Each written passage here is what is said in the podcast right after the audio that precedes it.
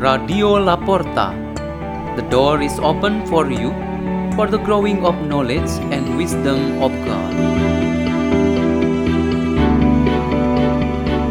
Delivered by Suzanna Marie Gerodias and Inke Oktavelia from St. John Bosco Church in Jakarta, Indonesia.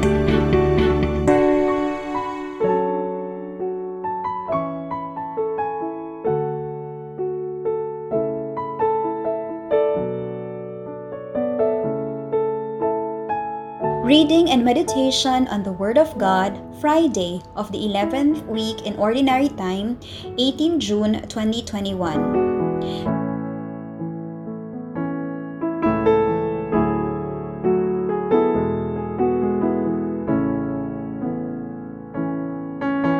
This reading is taken from the Holy Gospel according to Matthew. Jesus said to his disciples, Do not store up for yourself treasure on earth, where moth and decay destroy, and thief break in and steal. But store up treasure in heaven, where neither moth nor decay destroy, nor thief break in and steal. For where your treasure is, there also will your heart be. The lamp of the body is the eye. If your eye is sound, your whole body will be filled with light. But if your eye is bad, your whole body will be in darkness. And if the light in you is darkness, how great will the darkness be? This is the gospel of the Lord.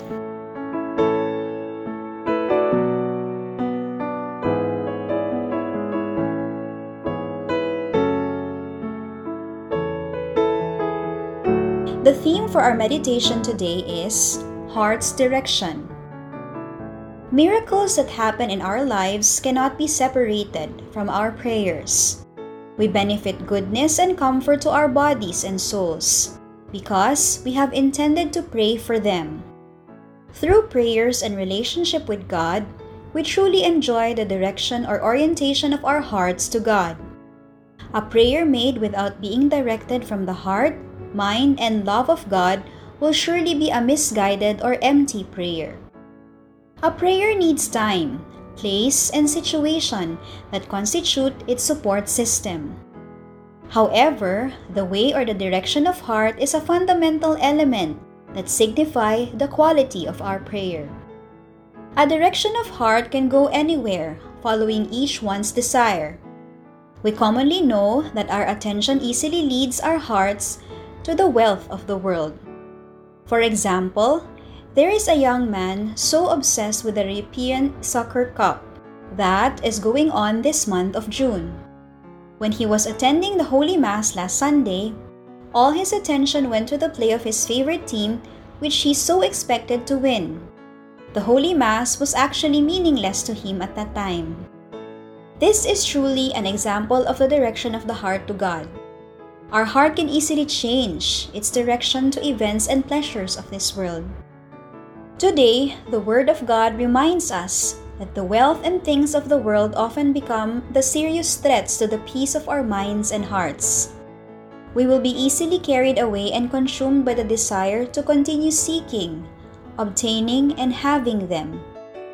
Many of us think that once we have those wealth, we will be in peace and happiness. Jesus always says that this way of life is foolishness and enslavement.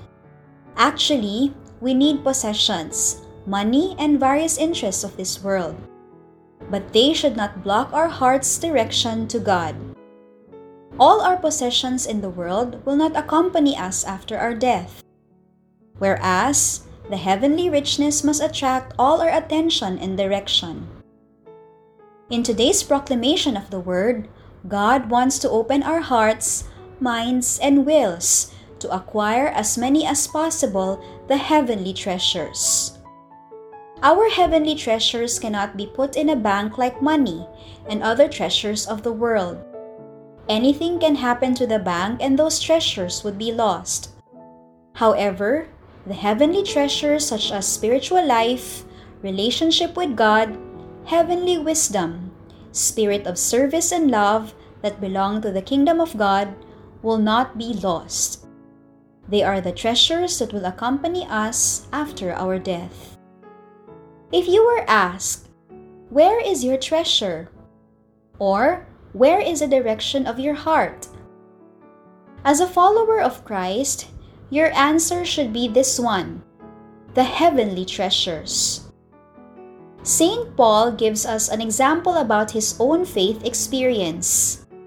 He indeed made the Lord Jesus and his gospel as his only choice of his heart and the most expensive treasure in his life.